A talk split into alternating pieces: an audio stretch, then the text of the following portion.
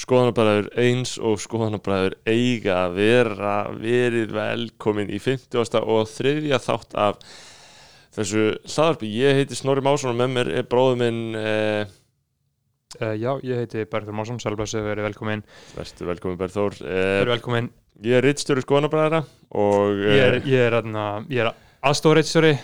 Mjög sáttum með hann þetta er mikil heiður. Berþór er svona einlegur aðstofa maður minn í Já, þessu öllu og hann hefur bara verið mér innan handar í þessu öllu saman. Uh, Við erum uh, að fara í gamla takta, finnst mér. Ég meina, þetta er bara ferskar skoðanir og takes og veistla And, og Andrea Röfn, Jónas. Stóttir Þetta var bara svona, við einmitt kláruðum með þátt og sögðum uh, Þetta er eins og skoðan bara eiga að vera. Eins og skoðanabræðara þetta, þetta er stefnan, við tölum um fótbolta. Við Sko, Andri, Andri Röpp Svíþjóð. Jónsdóttir fyrir þá sem ekki vita er sagt bloggari og mótel og uh, þar fram eftir gödum um, og uh, um leið er hún unnusta kraftbyndumann sem ég náttúrulega á ekki að nefna í lýsingafinni eins og við komum að uh, síðar í þættinum en við ræðum einnig þann raunveruleika. Við getum kannski skýrt þetta skoðanir kærustu landslýsmanns Já, það væri náttúrulega eftir öllu að menn gerðu það í gamla heiminum. En við erum hérna Þetta er ekki svona, við erum í framtíðinni, við erum í 2025, 2030 uh, og sömuleiðis er það svoleiðis að uh, ég hef tölvöld meiri áhuga á andru en knattspyrnu yfir leitt eins og kannski hlustendur vita. Þannig, að, eh, þannig að þú ert að setja svífing og nafn Arnórs hérna í beinni. Uh, ég get ekki sagt það en ég er að segja ég er líklega spenntari fyrir að fá hana en hann af því ég veit ekki alveg hvað ég myndi tala um við hann þó ég held að hann sé mjög góðu maður sérstaklega það sem Já, Andrea, hann- Andrea sér tilumni til þess að er uh, vera í ástasambandi við hann. Em, þannig að þú setja svona semi-svífing og nafn Arnórs Vi, við getum sagt að þetta séu svona einhver hálf, hálfgerð svífyring en ég, er náttúrulega- ég nei, svífyring, svífyringu tólkun ég er bara að nefna uh, staðrendir málsins og tildrög þessa þáttar. Nú í upphæðkvæmst þáttar þá viljum við ég, ég, víkja ég, ég lendi, ég var að tala við einhvern gamlan mann. Þannig að uh, gamlan mann á götu sem skal ekki endur Mm. Og ég sagði við hann eitthvað, já maður, ég vil bara setja virðing á nafnið þitt og hann skildi það ekki Nei, nei, skilur, að, að, það að setja virðingu á nafn einhvers skilur við byggum það til já, fyrir einhvern gamla mann það er bara eitthvað, hann bara sagði betur betur hvað meinar ég, ég sagði bara ég vil bara setja virðingu á, bara þú, þú setur ekki virðingu á nei, nei, þetta er, þetta er svona ennst að- sem þetta er ratar henni Þetta er derativ frá Birdman í Breakfast Club Já, ég, við byrjuðum að segja þetta hérna og einhvern mann kom fram gaggrinni á það að vera með að segja þetta. Mjög margir hafa vanist þessum talsmáta sko. Eh, sýfing Gísli Martin notar þetta en það er þetta náttúrulega bara mjög eðlileg leið til þess að bara setja nafnið skilur. akkurat. En jú, Eh, við erum frjálst hlaðvarp uh, Við uh, látum ekki stjórn okkur af aðri öflum Það er engin peningalega ítök Það er ekkert sem að stoppar okkur í að segja nákvæmlega það sem við viljum segja Nefna kannski, jú, jú, fullt af hlutum hér og þar. Hagsmunir tengst Já, já. og svo framvegis. Einmitt. uh, all, Alls konar svoleiðis. Uh, og En- og við erum fjármagnaðir af hlustendum Mm. completely listener funded. Um, inn á töfaldaf, töfaldaf, töfaldaf https bannstrík, bannstrík, bannstrík patreon.com skástrík skotanabræður. Patreon.com skástrík skotanabræður. Það eru þrjár áskriftarleðir og þannig reykum við þetta áfram. Mm. uh, Skellegur, þið þurfu ekki að borga raskat og í alveg bara fara hann inn og styðji frjálsa hlaðast þetta er helmingi ódýrara en Netflix. Já. og Netflix er að valda þess skada Netflix er að steiki í reyla Netflix er að eðilegja þig uh, Eftir hvert þátt þá ert þú minni maður og Já. minni kona. Uh, og í skoðanabræðum er það MFKN andstæðan og menn þurfa átt sér því leiðilegt að vera alltaf byggja um þetta en þú veist, maður þarf að lifa, maður borgar leigu þetta er vinna, þetta er- vinnudagar í þetta þetta er Kaupa vesen, tæki. Já, kaupa tæki, Eh, kaupa tól við erum að safna fyrir hljóðkorti, við erum að veist- fyrir því lengi. Þannig að tjekkið á patreon.com skástrík, skoðanabræður og endilega stiði ykkur, ef þið fýla að hlusta þá getið alveg eins hent fimm. Það skiptir einhver máli fyrir ykkur en skiptir hræddur- miklu máli fyrir okkur. Já, ég, ég hræddur, um, heldur, að, heldur að fólk hati ekki þegar við byrjum að segja þetta. Mér, þá bara með slökva með, með slökva, skilju en við nefnum snögglega og það er það sem fólk, fólk hattar ekki það er gaman að heyra nöfnin. Já. nöfnin sem styrk, styrkja okkur já. um 30 dali á mánuði. Skafaðir skafaði menn sem eru búin að ja, skafaði menn og konur já, ég er að segja það, uh, menn eru líka konur. Ég er að segja að við erum að tala um að uh, því meira skegg svo út með mm -hmm. því mhm. verra auðvitað. Skeggið mm -hmm. þunglindið. Uh, all skegg 5 fundur. Rakaður... og ég veit að það er hlustendur þannig um að burðast sko, lappandum með gífurlegan skekkburð rakaðu og komt í bræðalæð þessi, þessi skekkburður er ekki næsileg, þú Ef... þart ekki að lifa svona. rakaðu þig, skafaðu þig fáðu þig brotta. Þetta eru skekkþingsl um, Benedikt Bjarnason. Geoffrey Thott Huntington Williams. Hlinur Ólason Halfdán Svensson uh, tónlistamæðurinn D.E.R.B. Dirb, tjekkja hann á Spotify. Uh, Kristoffer Daði.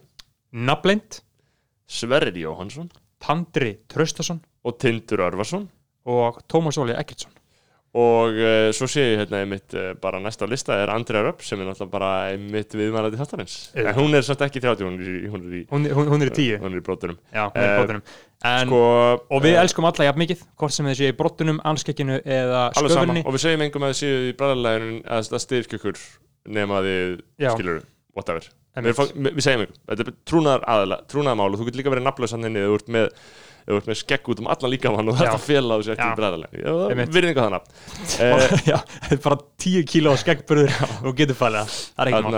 Sko að En- öðru leiti, bara veistlu viðtal við Andrið framöndan og ég býð ykkur velkomin skoðanabræður eins og, að þeir eiga að vera. Síðan er bara uh, fullt af fersku siti á leiðin í sumar. Uh, við erum með bræðralags þætti það sem við gösum bara tveir um alvöru skoðanir og tökja hérna fresti, það er hérna Patreon og skella ykkur þangað til að fara í þá veistlu annars bara býð ykkur hjartanlega velkomin í þennan þátt af skoðanabræðurum Númer 52, við erum ferskir að og bróðum Berþór Másson líka. Ég man ekki hvað ég ætlaði að segja mér takk maður, það er svo, er svo gaman þegar þú kynni mig inn skilur, það er það bara Þú- þú- in- indislegt en þú, þú gerir það ekki sjálfur? Nei, Þú voru að, að gera það sjálfur, annars ger ég það, skilur En finnst þetta fínt ne- að ég gera? mér, mér, mér, mér finnst ekki góðlega að þú gera sko. Berþór Másson. Já, já, það er bara, maður mátt bara halda áfram. Sem sem issjóra, ég er Sem alltaf eh, aðstofritsari og Þú ég, ert ég, aðstofrið og þú ert rýðstjórnar fulltrúi já, já, og ég, og ég er svona síðan markaðsmáli Já, ég sé, ég sé um samfélagsmiðluna En við takk alveg fyrir þá uh, þau, góðu störf sem unnin hafa verið á þeim vettvangi. Akkurat, herrið þarna höldum, við- höldum, við áfram. Þetta er Andrið Röfn, Jónasdóttir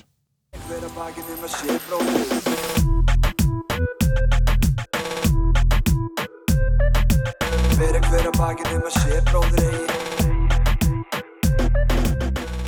Góðan blæsum daginn, Góðan blessan daginn. Uh, Við erum mættir í hljóðver við erum mætt réttar sagt, Mætt, já, Já. mætt með yngri annar en Andrei Röfn Jónsdóttur, velkomin Andra. Takk fyrir, takk fyrir að fá mig. gaman, Eh, gaman að fá þig. Uh, fyrsti kallmaða vikunar sem ég hef kist á kinnina þegar mæti, Já, já, er það máli, höfum við ekki tekið svona uh, góða vini? Jú, Nei. við hefum náttúrulega tekið mjög mikið af góða vinum jú, jú, en ég er ekkert að kissa á kinnina Nei, nei, akkurat, ok, gott, gott, það er gott að, að uh, við erum alltaf, Andrei, við erum alltaf þekst í 20 ár, ja, Já. 19, 19 ár. Já, Þið voru náttúrulega smá eins og litlu bræði minnir á tímubili og eru það. já, einmitt. Um, Það er alveg rétt, við, mér er sko skemmtilega einmitt að taka fólk sem er í fjölskyldinu og þú Einmitt. alltaf í fjölskyldinu að því leiti, sko. Um, Til þess að skerpa því og útskýra það, þá náttúrulega voru, ert þú sýstirnas Arons Kristins Jónssonar Yes. sem er uh, æskuvinni Berðfors og þar með minna því ég var náttúrulega lítill og áttunga vinni eins og var sagt. Ég var yfirlega þarna með ykkur. Fegst að fljóta með. Um, þarna, já, hvað segir þið gott? Hvernig vöknuðu, eru þið ferska? Já, ég er mjög fersk, ég byrjaði daginn bara sundi. Er það? Já, ok, nice. Klukkan hvað? ég fór bara klukkan átta og tók tíminn og pott og svo upp úr og hitt ykkur sko. Já, ok, geggja Skildi að þennu stelpunum minn eftir bara með mömmu og pappa í lauginni. já, já, ok, þannig að þú fórst bara fyrir upp úr Yes. uh, og hvernig er að hver, hvernig vaknaði þá? Herri, þetta var einhver svakalega morgun sko því ég vaknaði hálf átta Já, en síðustu svona þrjá og hálfan mánu er ég búin að vakna milli fimm og sex. já Það var eitthvað, ég veit ekki hvað kom yfir átta, mína. hálf átta er að sofa, yfir, hó- sofa út það er bara, ég hef ekki svo svona lengi ég veit ekki hvað sko.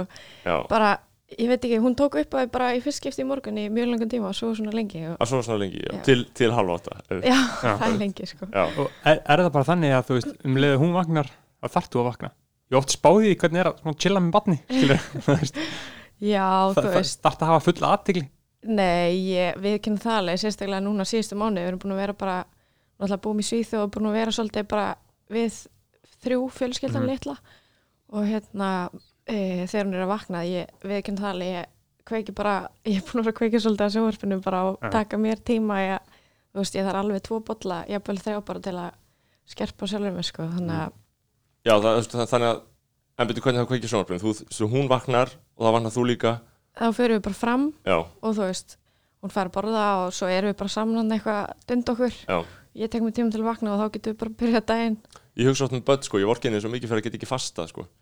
Þau verða alltaf að borða um leiðu vakna sko. Því ég fast alltaf, ég borða aldrei fyrir henni hátæðinu sko. Já, svo er, sko, mamman, mamman getur eiginlega ekki fasta þú veist, ég, ég er búin að reynda Já, ég þarf bara mat og orku bara til að fungera um leiðu vaknar bara. Ég, bara, þú veist, hún er 16 mánuða núna. Ég þarf bara að fungera, bara til að geta gefa henni aðtegli og ást, sko ég, að, ég vaknaði morgun sko ég, Þetta gerist all oft við mig. Ég vaknaði skilur og var síðan veist, og ég, ég gley, að, ég, ég, og, veist, um leiði vaknaði og ég segi, að fuck já, ég gleymdi ég er á lífi.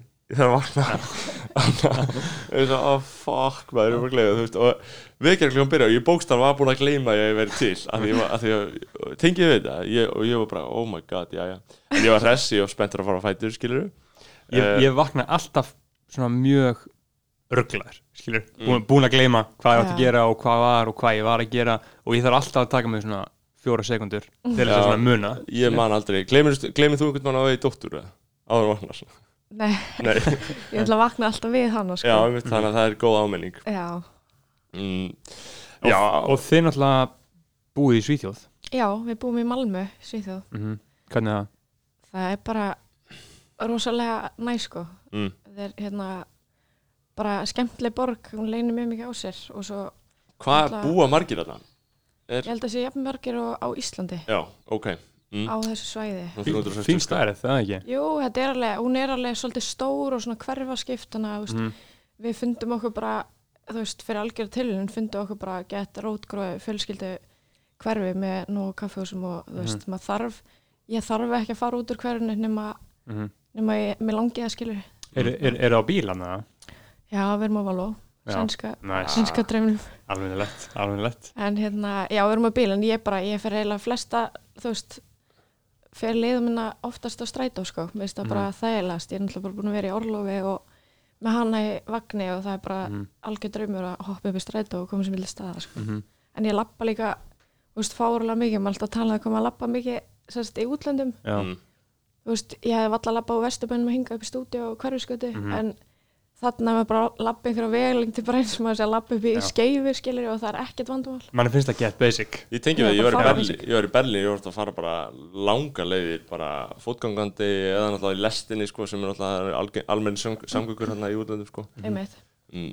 Þegar ég út í London þá lappaði ég 35 mínútur alltaf í skólan já, og af því að þú veist, það tók hálftíma að taka strætó þannig að ég bara gæti alveg eins lappaði 35 mínútur og þegar maður reynir að heimfæra það á Ísland þá er það bókstæðan eins og heim í gra- heima í grái og lappa í hár Já. já, Sem. ángríns en maður myndi aldrei gera það Nei, þetta er nefnilega, ég ásko frændfólk sem hefur búið í Svíþjóð bara sinni mann eftir mér og þegar þau kom til landsins og maður er svona, já, ertu að fara hérna, þú veist, í perluna eða eitthvað og ég skuttlaði Mm. bara, nei, ég lappa Já, bara, bara og hún lappa í perluna sem er sjúkt. ekki eins og það langt, sko Já.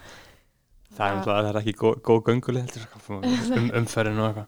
En Malmö er ókslega næs og köpen er náttúrulega bara reynlítið brú á milli og ég duglega, ég var en að allt lokaði, var ég duglega að fara yfir og Mhm. Sunni var besta vingun mín hérna e, býr þar. Í köpun já, og fullt af skemmtilegu fólki sem er Mhm. bara í námi eða, eða búið með námi og byrja að vinna. Papp- Pappi var um til kaupana og var að tala um hvað þetta er fucking næst staður sko. já, með mjög langt síðan ég farið. Já, já, mér finnst sko fíla kaupin úkslega mikið en mér finnst alltaf gett næst þegar ég kem aftur yfir brúna að komin heim til Malmö sko, að því ég er miklu meiri sví í mér Arnú líka, við erum orðin miklu svíjar sko. Hver, hver, hver er munurinn? Vá, þú veist, náttúrulega á munun á köpen og Malmö er náttúrulega bara, þú veist, það er svo mikið tíska og svo mikið sena í köpen sko. Mm -hmm. Malmö er svona, jú, það er bæði, það er alveg til staðar en þetta er meira bara svona, þú veist, þetta er bara svíjar að gera sitt, skilur, Mhm. og ég, það er minni asi bara. já, ég, ég hef mikið áhuga á þessu atriði sko, þessi kaupmannhafnar sena það eru Íslendingar sem bara fara til kaupmannhafnar til þess að Um, já, ég, ég ætla ekki að gera þeim upp það að þau vilja meika það en ég meina að fólk er svona eitthvað að, að Já, fara bara- þarna til þess að Joina sinna. joina sin Mhm. uh, þú veist, uh, bara eitthvað svona ábyrrandi er náttúrulega bara hérna Helgi, Ómars Já, Og- akkurat. Og margir, margir fleiri, er ekki miklu fleiri en hann Jú, jú, og þú veist, það eru eins og til dæmis Helgi sem að bara takast það og bara komast alveg langt inn í já, sinna, í skilur, senuna. Og Tís, svo þú veist tísku sinna, tísku, bara já, fatabúða, einmitt. merki. Já og þú veist bara hérna eins og helgir að vinna á mótilskristofu og já, svo er stelpa Sigri er er með mér á trendnet hún er bara búin að, þú veist, fór út í nám og er bara búin að koma sér, þú veist, alveg langt bara á því að mæta viðbyrði og Mhm. þú veist, vinna, hún er farin að vinna í storm bara einnig flottstu búðun í köpen og þú veist, það er alveg köp, þú veist, þeir sem búa hana, ég hef ekki búa hana sko, en Nei. þeir sem að búa hana í einhvern x tíma segja bara, þú veist, köpun er miklu minni en þú heldur já, og þú veist, ef þú ert bara duglega að láta sjá þig og ert bara í grændinni í einhvern x tíma þá Mhm. kemstu áfram sko já, mér finnst þetta merkilegt sko líka bara, að, þú veist, að þetta eru svona þú veist, í gamla daga byrjum það saman, skilur, í gamla daga var fólk að fara til kaupmaratnar, þú veist, einhverjur íslenskir handritafræðingar, skilur en núna eru aðal íslendingar svona mjög mikill ströymur á íslendingum sko út af þessu, út af Já. bara einhverjum Já. fatabúðum og ég veit líka bara um einhverja unga kaura sem vinna bara þarna í einhverjum búðum, skilur Já, og það er líka hérna, þú veist, það er náttúrulega snildin við Danmörku er náttúrulega skólakerfið, þú veist, þú ferði nám sem ég held að kosti ekki mm.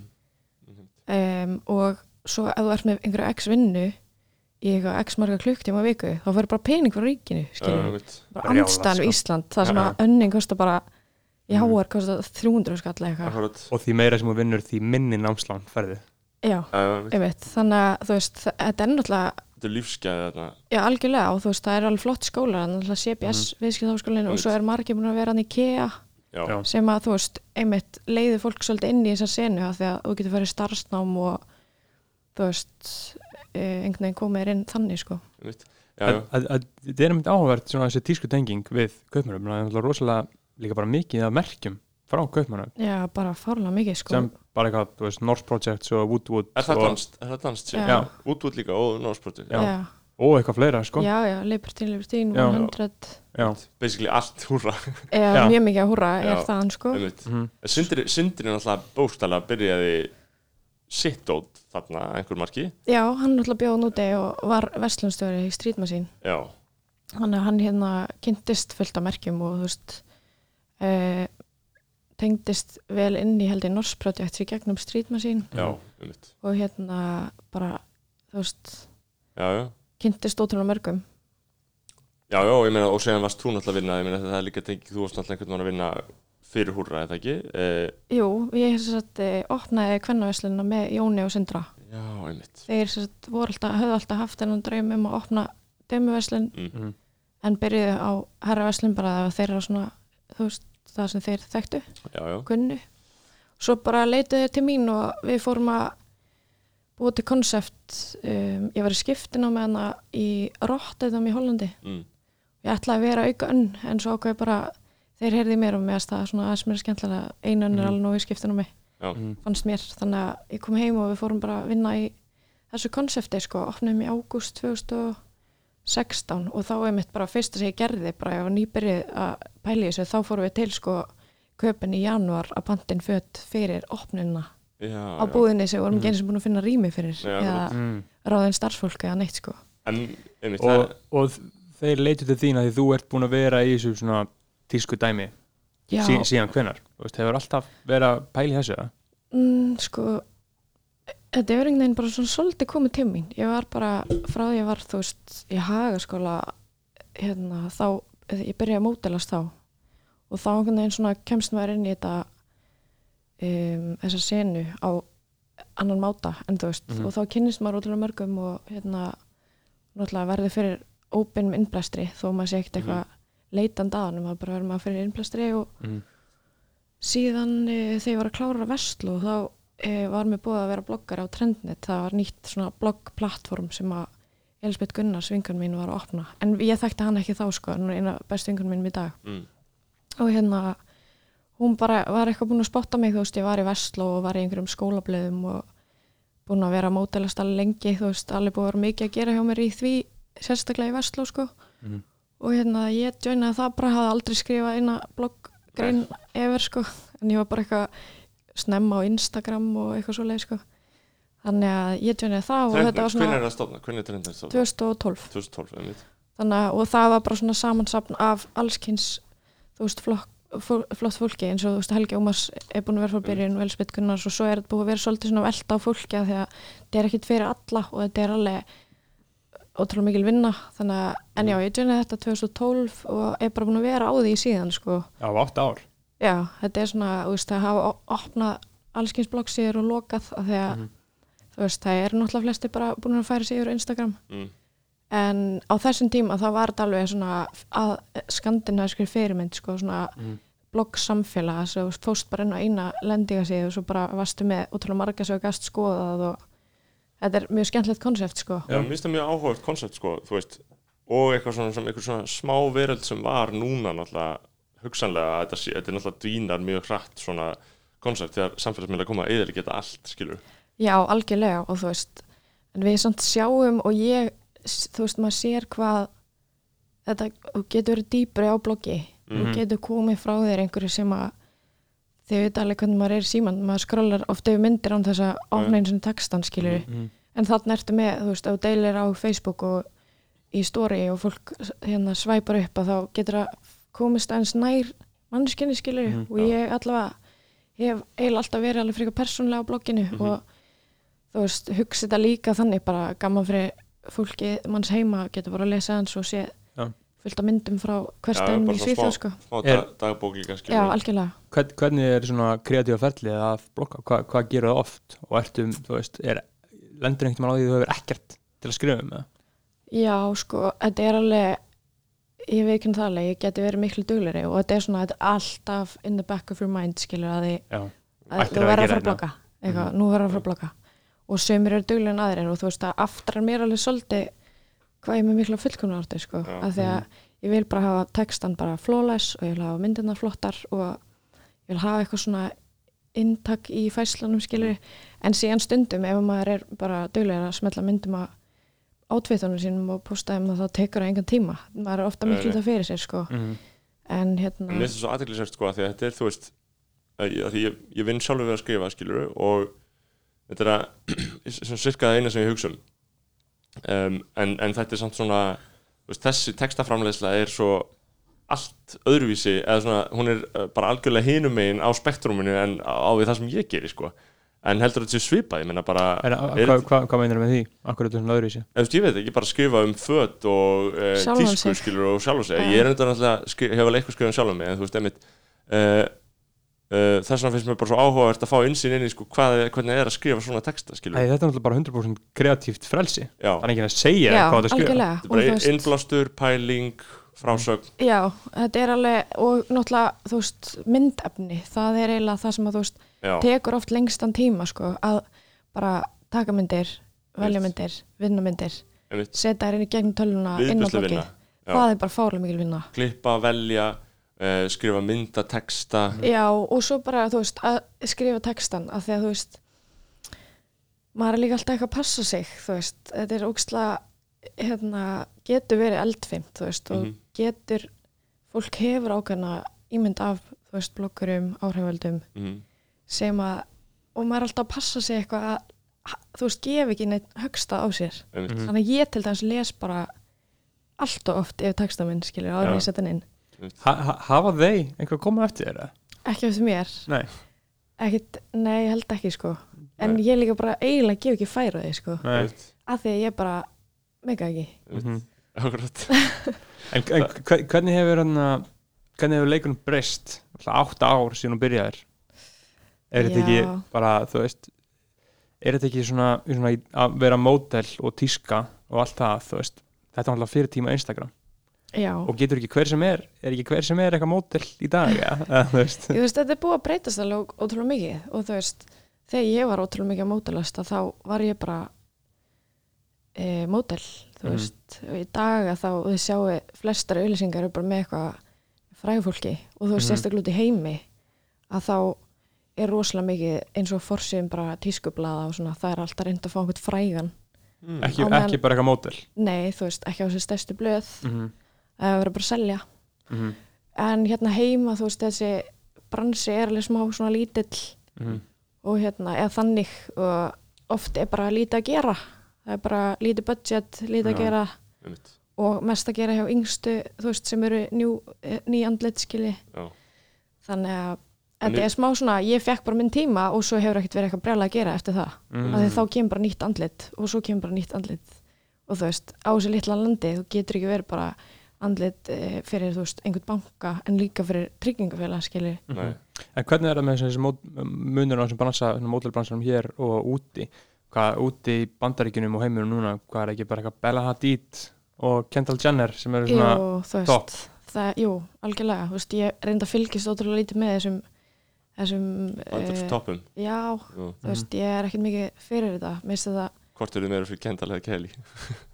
Kendal allan daginn. Kendall alltaf, en ég er kælimaður, ég hef lengi verið kælimaður Fólk liggum mér að hálsa fyrir það. Já. Þannig að ég unfollowaði hana sko á Instagram. Og sen er ég aftur búin að followa hana af því að ég, þú veist, ég fekk nóg af kláminu sem ég fekk á Instagram mitt, skilur. Mhm. uh, En núna er ég afturfylgjandi sko og Já, ég, er fylgjandi sko. Ég hef aldrei, ég hef aldrei followað neina af þessum hérna, systurum sko. Nei, Ekki, ekki neina, ekki, Nei. ekki, ekki eins og Kim aldrei Kim sko. Nei. ég, bara, ég ég, hef- ekki séð eitt þátt af þessum Kardashian þáttum nei neitt. Ég hef ekki hórt á þættina heldur sko. En ég er mikill, ég er, ég er stundismæði Kelly. Mér finnst hún bara meistari, skilur uh,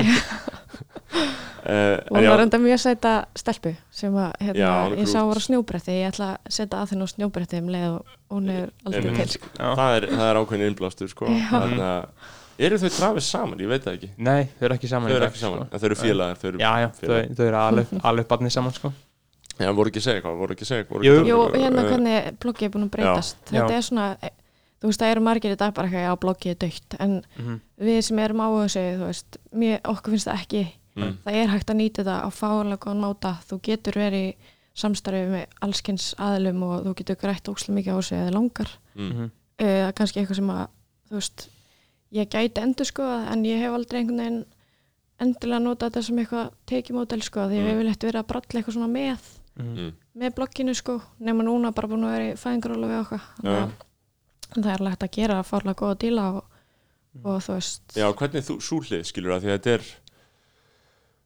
við skoðanum bara höfum til þess að vera í vandræði með hvort við erum að hafa auðliskar eða ekki, við erum ekki með auðliskar við erum frálst hlaðvarp, en þetta er náttúrulega um, þetta er náttúrulega svona típisku vettvangur til þess að vera með eitthvað dæmi í gangi, skilur það sem þú skrifar um einhver föt sem þú fær send frá einhver merki og fær þá kannski einhvern smá pening líka.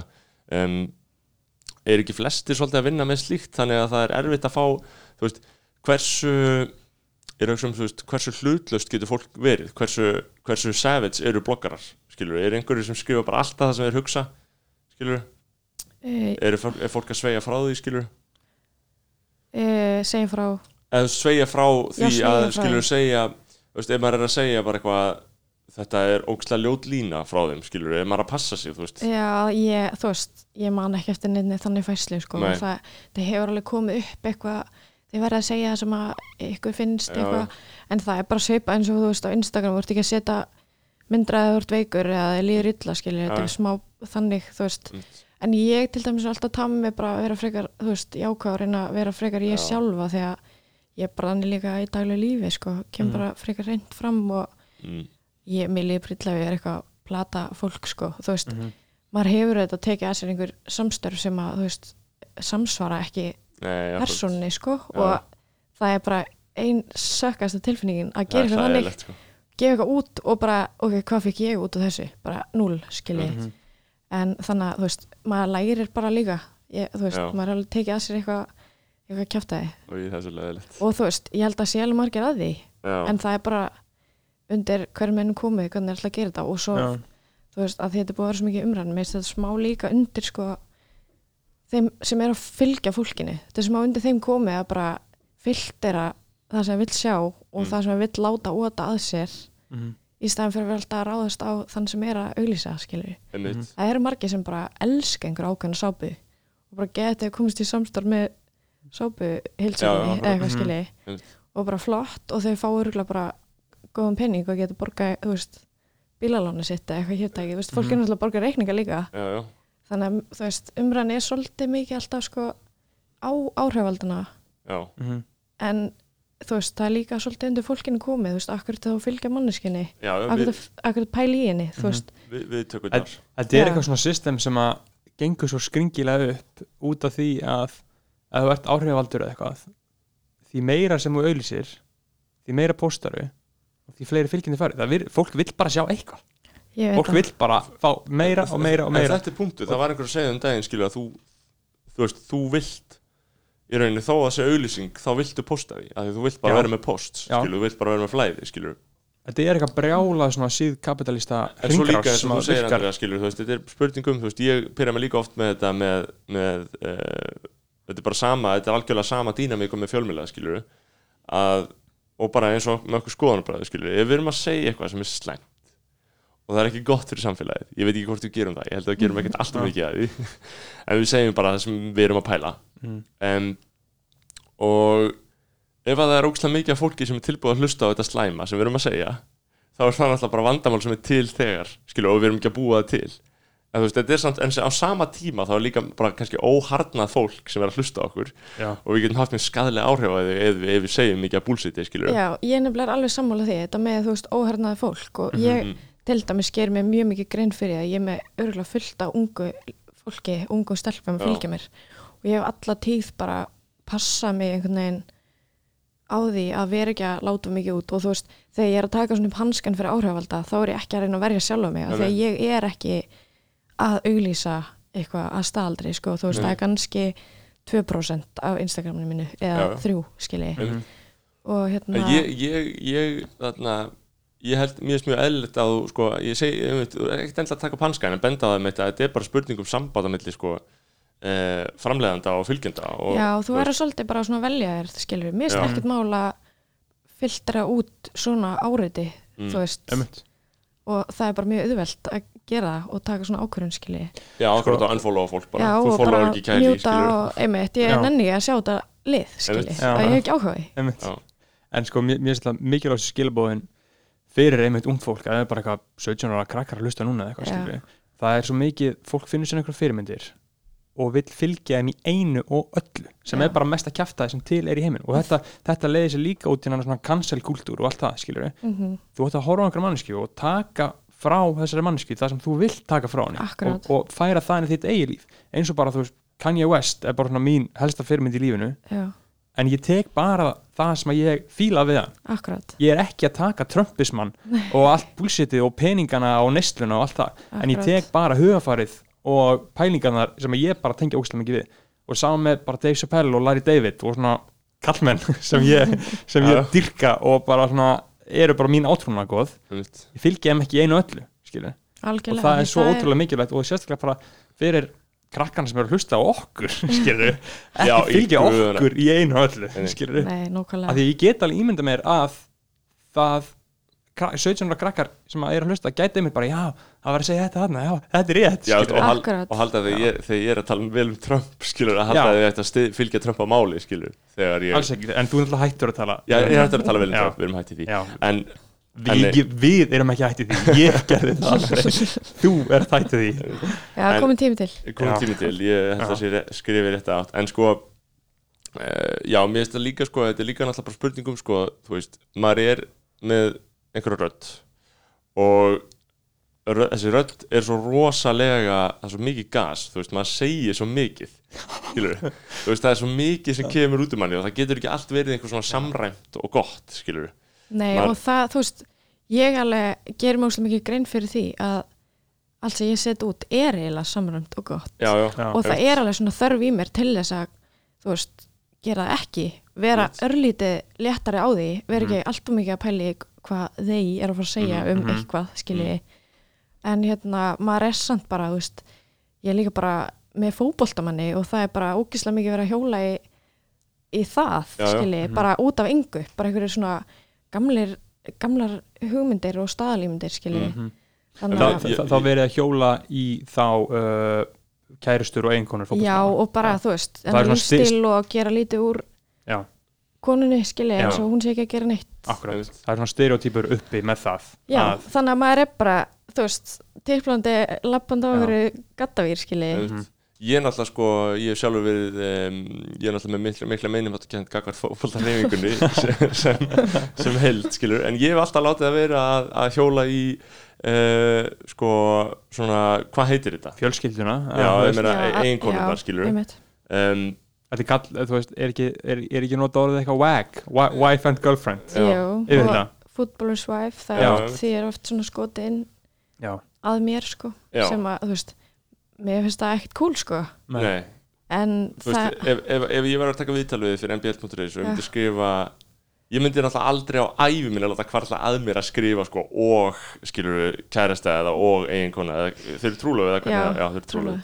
Þannig að En það eru vissulega líklega einhver, einhver staðir í orðræðinni þar sem þetta endar á þér bara sem stimpill bara algjörlega e, um, trúlöf, nei, hvað hva, um, Unnusta. unnusta, já, Já. það málið, einmitt, unnusta já, já, en þú veist já, akkurat, ég hef ráðist á fótbollamenn ég meina því að ég bara margvíslegum ástæðum skilur að því ég, ég, ég, fjall, ég, fjall, ég fjall út fyrir borð um, á sín tíma en einmitt hvað, hvað er meira, þú veist, meira, hvernig, hvernig er það þá að vera bara einmitt uh, unnusta hann, hann heitir Arnór Yngvi. uh, Yngvi uh, og þú verður fyrir fórtumum sýst eða þú veist þú það er veist, vesen. ekkert endilega beint Nei, svona mest bara eitthvað fútbólsvæf eitthvað wag. Mhm. þú veist og það er yfirleitt sagt í einhver svona smá svona draga niður meiningu sko. alveg, alveg en annars, þú veist, bara, fólki kringum okkur er ekkert að, nei, nei, ekkert að því sko og þú Mhm. veist en auðvitað, þú veist, maður býr einhverstaðar í útlöndum og maður er svolítið að láta sitt til hliðar í x tíma mm -hmm.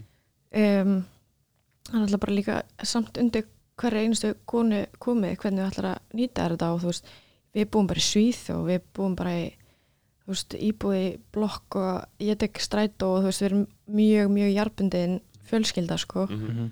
og hérna, ég myndi ekkert segja að við lifum eitthvað harra heldur en bara fólki í kringum mig sko e, þetta er bara algjör hverstasleiki og þetta er náttúrulega bara svaka vinna. Þannig að þú veist, ég er líka bara á miljónu mínu og Já, maður er ekkert eitthvað að lifa fyrir þetta. En auðvitað aðlaða maður fjölskyldulífið rosalega mikið að þessu og að þið þurfum að vera tilbúin að flytja bara hvert sem er eða ekki? Jú, út af þannig því séð að það kemur bara nýtt lið. Já, náttúrulega svolítið undir okkur komið hvert við förum en Mhm. hérna maður þarf bara svolítið, þú veist maður fylgir svolítið bara planinu sem hann fær mánalega, Mhm. þú veist, upp á hvað maður getur gert og veist, það er náttúrulega mikla fórnir við höfum, veist, einu sinni farið saman tvö í frí á Mhm. þessum tíma sem við erum saman Mm. og hérna sem er kveilegi þrjú haldan núna Mhm.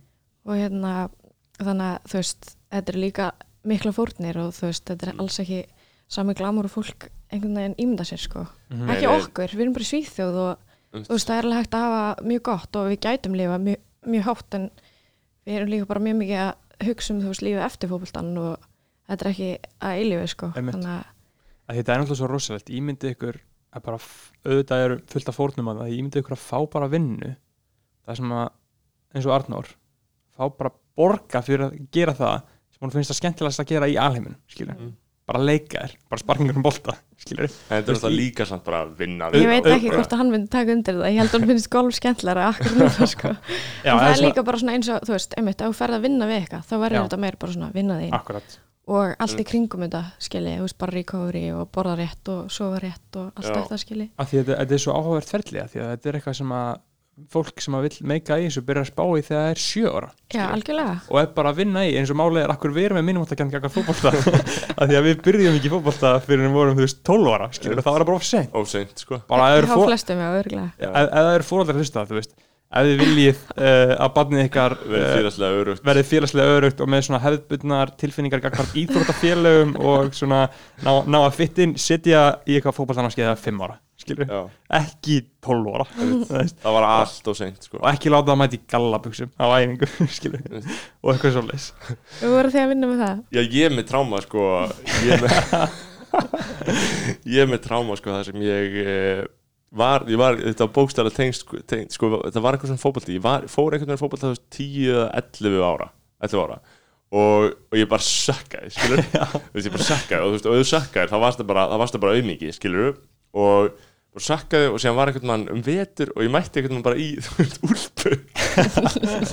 Á æfingu. Og einhver, einhver, ég man ennþá þegar einhver sagði sko þú veist eitthvað, aðna, eitthvað hann sagði eitthvað svona, já hann er í þessari sæng og ég bara, ó þú veist, þannig, þú veist, þetta er í minna og, og auðvitað er alltaf býti ég tilbaka skilur, eina sem ég get gert núna er að nota röddina til að hefna mína illu af því að maður er alltaf bara langrækin motherfucker skilur, en En ég er að segja, ég, þú veist, sko, þeir neikvæða hluti sem ég segi um fótbollanum, þeir grundvallast flestir á einhverju tráma, sko, en þess vegna hefur sko ógeðslega mikið áhuga á því ég ræði aldrei um þetta, ég tala svo lítið við fólk sem er beinlinnist bara í, í miðri sósunni veist, um, Og sko- bara hvernig fjá fokkanum þetta er hjá, hjá mér er þetta svo flókna tilfinningar gegn fótballtæði, tengst svona allt káir maður er alltaf verið svona rosalega tengdur káir út, af- út af ykkar fjölskyldu og alltaf Jónas, faðir ykkar eitthvað frangöndastjóru og eitthvað svona. En minningar mínar frá káir eru svo ótrúlega traumatískar. Ég man bara verið í einhverjum klefa og bara ég vil ekki vera þetta, ég vil ekki vera þetta, ég vil ekki vera þetta, ég vil ekki vera þetta skilur, allan tíman og bara svona, guð, hvernig get ég losnað, hvernig get ég ég bara alltaf er svona eiginlega ógeðslega erfitt þú veist, já, sérstaklega svona þú veist, það er svo mikil menning að strákar sig í fótbolta og Já. bara, er, ertu ekki í fótbolta? Mhm. menn ég var bara, ég var bara í ballett sko Já. og ef samt- ef þið er ekki fótbolta Nei, nei, nei, ég var alltaf út í káður sko, Já. hjá pappa og alltaf eitthvað eh, ég er á öllum hérna, Íslandsmeistar myndunum frá mm. 99 og þessum Já. titlum, þú veist, þá er ég eitthvað annað lítill með á myndinni Mm. Og ég var alltaf annað, en ég var bara í ballett og piano, það var bara mitt sko Mm. og svona, þú veist í dag, eins og bara við erum mikið í golfi og svona ég er með allt öðruvísi keppniskap heldur en bara Arnur, hann er bara búin að vera í fótbolta hann var í körubólta líka, menn ég var í ballett og var bara ballettsýning tvisur Mm. ári Mhm. og þú veist keppni, það eina keppnin var þegar maður var 17 eða 18 maður gætt farið veist, að kefta á táskóm og þá var ég svona, þú veist, byrja í Vestló og var eitthvað svona, æ, er ég að fara að gera þetta? Mhm. það er eina keppni sem að, maður já. farið í sko.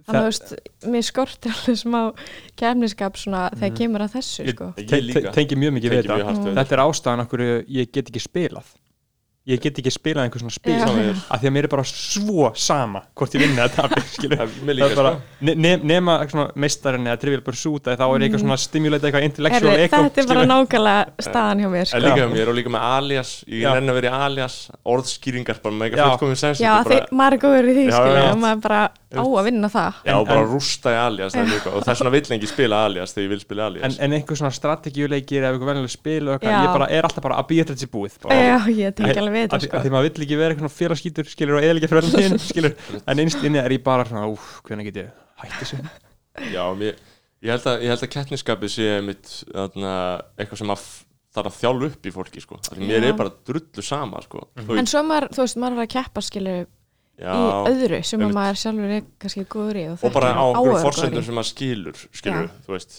um, og það er líka, málið, sko. líka öð- öðruvísi svona hliðar í lífinu af því að náttúrulega í íþróttum þá er svo skýr sigurvegari, skilur akkurat, þú veist, maður auðvitað að keppast í lífinu skilur, Já, bara að reyna bara að komast áfram og já, já. eitthvað svoleiðis, en þá er, all, þá þetta alltaf svona tólkunaratriði, hver er að vinna skilur, en í íþróttum, sko, þeir sem eru með svona brjála keppniskapa, því það er bara svo brjálæslega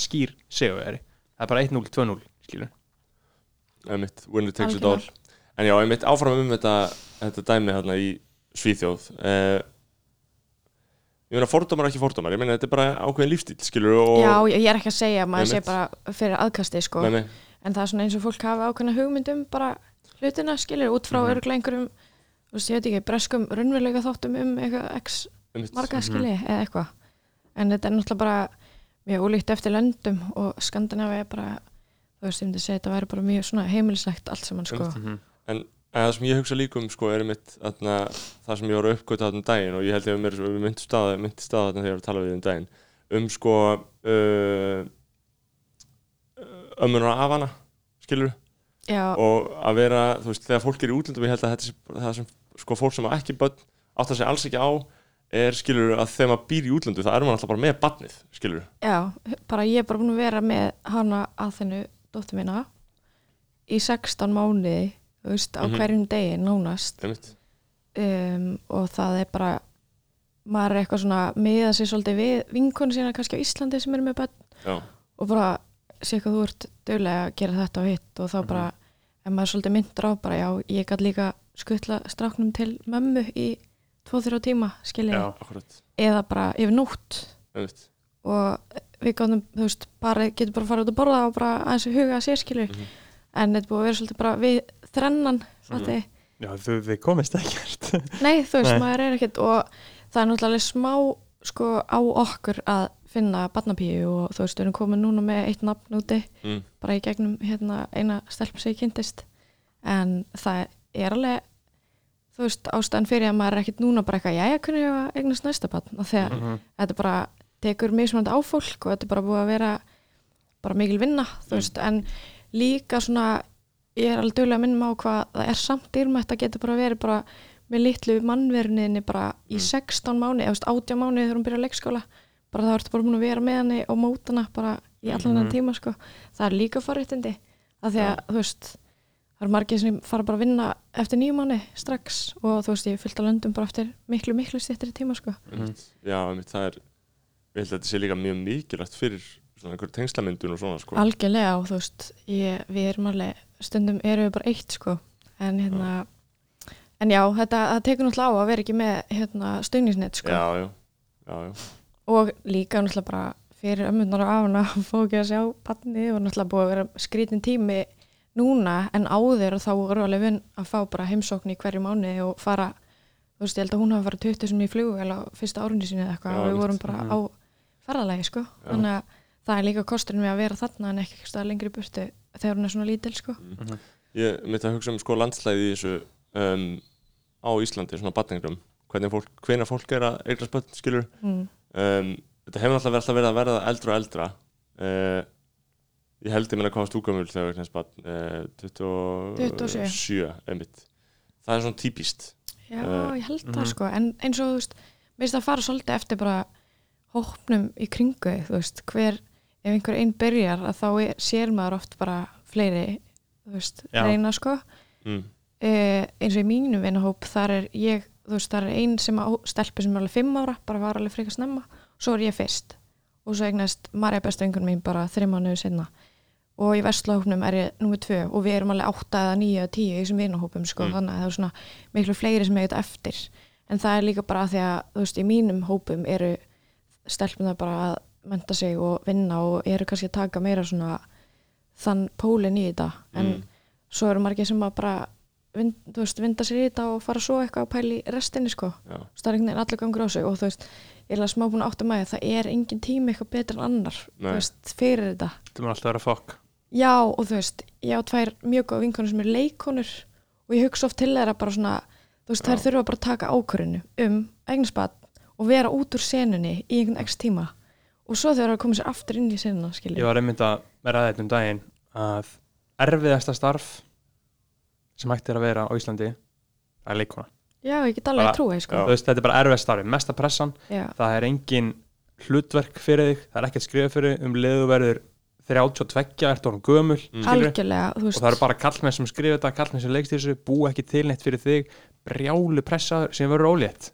Og hvað þá, skilur við þetta er nefnilega, ég held að sé, þetta er alveg rétt við það sko, og þú veist, það er með sko eins og leikonur og mótel mm um leiður komin yfir einhvern x aldur þú lítur ekki út fyrir að vera átjánara eins og einn góður leikar sagði við mig um helgina bara, um leiður lítur ekki út fyrir að vera átjánara Mhm. þá er þetta bara átt, eða veist, þá er þetta bara Já. miklu bara brattari brekka sko. Þú veist, ég, ég hef heyrt sko bara með, með, bara með beinum hætti frá leikonum sem eru á milli eh, 20 og 30 en ég bara á 30 aldri svona eitthvað 24-25 að það er einmitt sko, sko kannski þau eru kannski komin í uh, kannski orðin bara ráðsett komin með maka og svo framvegis uh, og svona það sem að væri innan gæsaleppa eðlilegt eignast barn ef að fólk myndi bara vilja gera það skilur en það er hugsa bara ég verð að geima það af því að núna get ég ennþá leikið ungu stelpuna -hmm. og það eru bara líkur á því að ef ég eignast barnið síðan þá uh, missi ég það skilur. Þetta er bara hræðilegt og ég þú veist og þá þarf þetta að fara yfir í aðra kategóri sem er bara uh, erfitt skilur og erfitt að, vera komin í það, þá kategóri skilur og ofan á allt þetta þá er allt þetta me too dæmi já, ofan á allt þetta Já, skilurðu. í og já, í já. leikúsunum og, og, Og- Hollywood já. og öll þessu einmitt, það var bara sér rótgróin menning í því að fyrirlíta á áreita konur skilur, Mm. mm. ofan á allt þetta þurfa að díla við það mm, og það, þetta er ekkert sem að eitthvað er bara búið núna, þeirra mánu setna skilur. Þetta er eitthvað sem tekur áratugi að uppræta því að þetta er bara einhvern veginn lærist þetta er lærið hegðun hjá kallmönnum í þessum bransa, skilur, mm, og bara eitthvað einhvern veginn vindur upp á sig, sko. Já, alveg, þú veist pottet sko. Mm, En ég held eins og þú ert að tala um þetta með bandningnina og svona, auðvitað er alltaf in- undantekningar, auðvitað er alltaf einhverja sem að bara koma sér strax aftur og er að fá aðhlutverk þó að sé orðnar eitthvað eldri en þú veist, þrítaðarskili -hmm. Og það er náttúrulega, þá lí, spilur náttúrulega líka inn í bara hversu góða leikunar eru og svona. já, En ég hugsa alveg mjög oft til þeirra bara, þú veist, að því að það er einhvern veginn, verðist engin tímasetning vera rétt fyrir Nei. þetta sko mm, og svo líka, þú veist, það er eitthvað svo mikið alltaf, já, mér langar ekki að vera, þú veist gömulmóðir eitthvað eins og það sé eitthvað svona já, þú veist, Einmitt. en svo Já. fer það bara eftir þú veist, mamma mín var held ég 34 ára náttu mig já, eða á árinu og hún lætur eins og hún sé skilur 47 í dag Mhm. þó hún sé 61 skilur Mm. og við eigum ókslega gott bond og þetta er svona sveipa eins og með hvernig ætla að eignast næsta badnið bara svo gott að við erum nálægt í aldrei og svo góði vinir, þú veist. Jónas Óli er 6 árum eldri en ég mhm, og við erum bara, gætum ekki verið nánari. Mhm. og Aron þreim árum yngri og við erum ókslega náinn öll sískinin og þeir líka og eru nýja árum millir þeirra. Þannig að mér finnst líka gott að hugsa um þetta sko, þegar ég fyrir að pæla í sig að þegar ég er ekki alveg reddi í næsta Skiptir og líka svo bara, náttúrulega er ekki sjálf, sjálf gefið að eignast annað bad sko. Mhm. Nei, nei, og bara menn, menn fólk getur líka bara verið ánætt með það sem það er með Algjörlega, skilur, þú veist, það er ekkert alltaf að, að fara á næsta steg en ég meina eins og þú veist, en ég hugsa líka með leikununa skilur, þetta er svo, alltaf svo það er bara svo hræðilega örlög að vilja einhvern karriér, skilur bara í öllu. Ég held að það séu bara örlög sem bara fylgja þér ef þú vilt uh, búa þér til einhvern starfsframa eða skilja eitthvað eftir þig eða bara einfallega uh, skara fram úr í vinnuðinni bæði þá einmitt til mis, uh, með leikonundar en séðan eru líka til mis, bara með, með fótboltamenn skilur þar, þar veistu bara þinn tíma eins og þú varst að segja skilur þú, þú, þú ert til 35-40 ára og svo bara svona dalar þetta skilur já, já, algjörlega og það er þess að hugum við alveg að þessu. Mm. og ég er alveg svona meðut um það hérna núna eru til dæmis vinkunum mínar bara komnar í drullu flotta stöður út um allt sko og ég er í öðrum pakka og Mhm. þú veist, maður er svo fljótur á einhvern veginn draga úr sínu sko Mhm. og svona kannski gleyma bara, þú veist ef bloggið er að gera fullt af hlutum það er alltaf nóg að gera hjá mér, Mhm. skilji og hérna og bara alveg þú veist, það er eins og, og, og það sé ekki sko. eins og það sé ekki eitthvað skilur Já, þannig að hérna, og svo erum við ofta ræða að Arnú byrjar alltaf mig þegar hann er búin í fótbolta sko, já, þá, já, veist. þá, þá farið þau bara einhver skiptið, skiptið Já, einhver marki sko. nákvæmlega. mm. En hvernig er þessi svona uh, fótboltaheimur á Íslandi? Bara það svona, hvað, hvað finnst þér um bara eitthvað svona doktorfútbol og alla svona þessa umröðu? Bara svona þessi, þessi, þessi fótboltakúltúr við erum alltaf, eins og við talum áðan þá erum við með gríðilega minnumáttakend og, og höfum mikið verið að gaggrína þetta skilur Já. og svona gera grína þessu og svona það er ekki stereotýpur að fótboltamenn séu heimskir, kvennhatarar, rasistar skilur allt þetta skilur Hva, hvað finnst þér um það? sko bara síðan ég var lítil og allir hérna, fótboltamanni sem hafa orðið á mínu vegi bara Mhm. káar, þú veist, í gegnum pappa og vinir bræður minna og svona og náttúrulega bara í kringum Arnur og landslið og svona, þetta er bara allt mjög flottir Mm. menn sko þú veist, Mhm. það er alltaf bara í fótbolta eins og öll öðru að það er alltaf einhver svarta sviði sem leggja, Mhm. þú veist koma, hérna, hvað segir maður já, bara koma á óorði á hina, sko, á hina og hérna það sem ég held að sé bara ástæðan fyrir að mörgum finnist fótboltamenn vera svona er að þeir eru bara í umræðinni þeir Mhm. eru þú veist og það er eitthvað svona ákveð umræð alltaf um þennan hóp fólks. Mm. en þú veist, mér veist bara alveg mikla kallarinnbyr sem að aðstofa mann í bankaskili. Ég hef líka mitt verið að spá í þessu sko, af því að þú veist, það er bara svona staðrenda hér á landi og í heiminum, það er bara kerfismundin gúin kvenna, skilur Mhm. kerfismundin kvennatur í flest öllu. Og fótboltin er bara svona mjög skýr byrtingamind þess sko, út á það að bara fótboltamenn græða milljarða og spila fótbolta og konur veist, fá ekki svona mikið laun og eiga erut með að lifa því og fótboltaleg kalla á Íslandi fer á HM og EM og koma tilbaka og það er bara fucking skrúðganga og fólk bara elskar þetta bara þessi strákar eru mistara bara Hannes, Raggi sig allir þessi gaurar, þetta eru bara fucking mistara, þetta eru bara þjóðarhetjur. Og síðan kemst kvenna landsliðið á EM og HM miljón sinnum, ég veit ekki hvað svo oft en það er að gert það hundra sinnum á undan og öllum er fucking drullu sama Mm. öllum er skýt sama og málið, mér er skýt saman bæði skilur Já. en þú veist, þetta er bara svo skýr byrtingamind kvennhatturs í samfélaginu og hvernig þetta er, af því að það er engin ástæða fyrir þessu og þetta er allt svona sannleikur og staðmyndir sem að fólk samt villist, vill, vill ekki þeirra endilega horfast í augu við skilur er, er, er eitthvað til í þessu hjá mér það? sko já, þú veist, ég myndi ekki taka undir þetta að vera eitthvað hvern hatur sko, þú veist, einhver byrtingum Mhm. þess Nei, ég, ég held að sé bara svona undirgróð í samfélaginu að það á alltaf, að kallin er alltaf mistari og konan kemur alltaf í nummer tvö, skilur Já, þú veist, ég er alveg samanlega svona almennt um Mhm. kalla á konu, sko, Já. og þú veist, það er oft sem að er bara frekar hlusta á mannin í rýminu heldur en konuna og þú Einmitt. veist, ég þekk það alveg sko en með fótboltana þá, þú veist, ég er það þú áhugin er bara svo mikill á kalla knatsminni, Mhm. þú veist, bara um allan heim.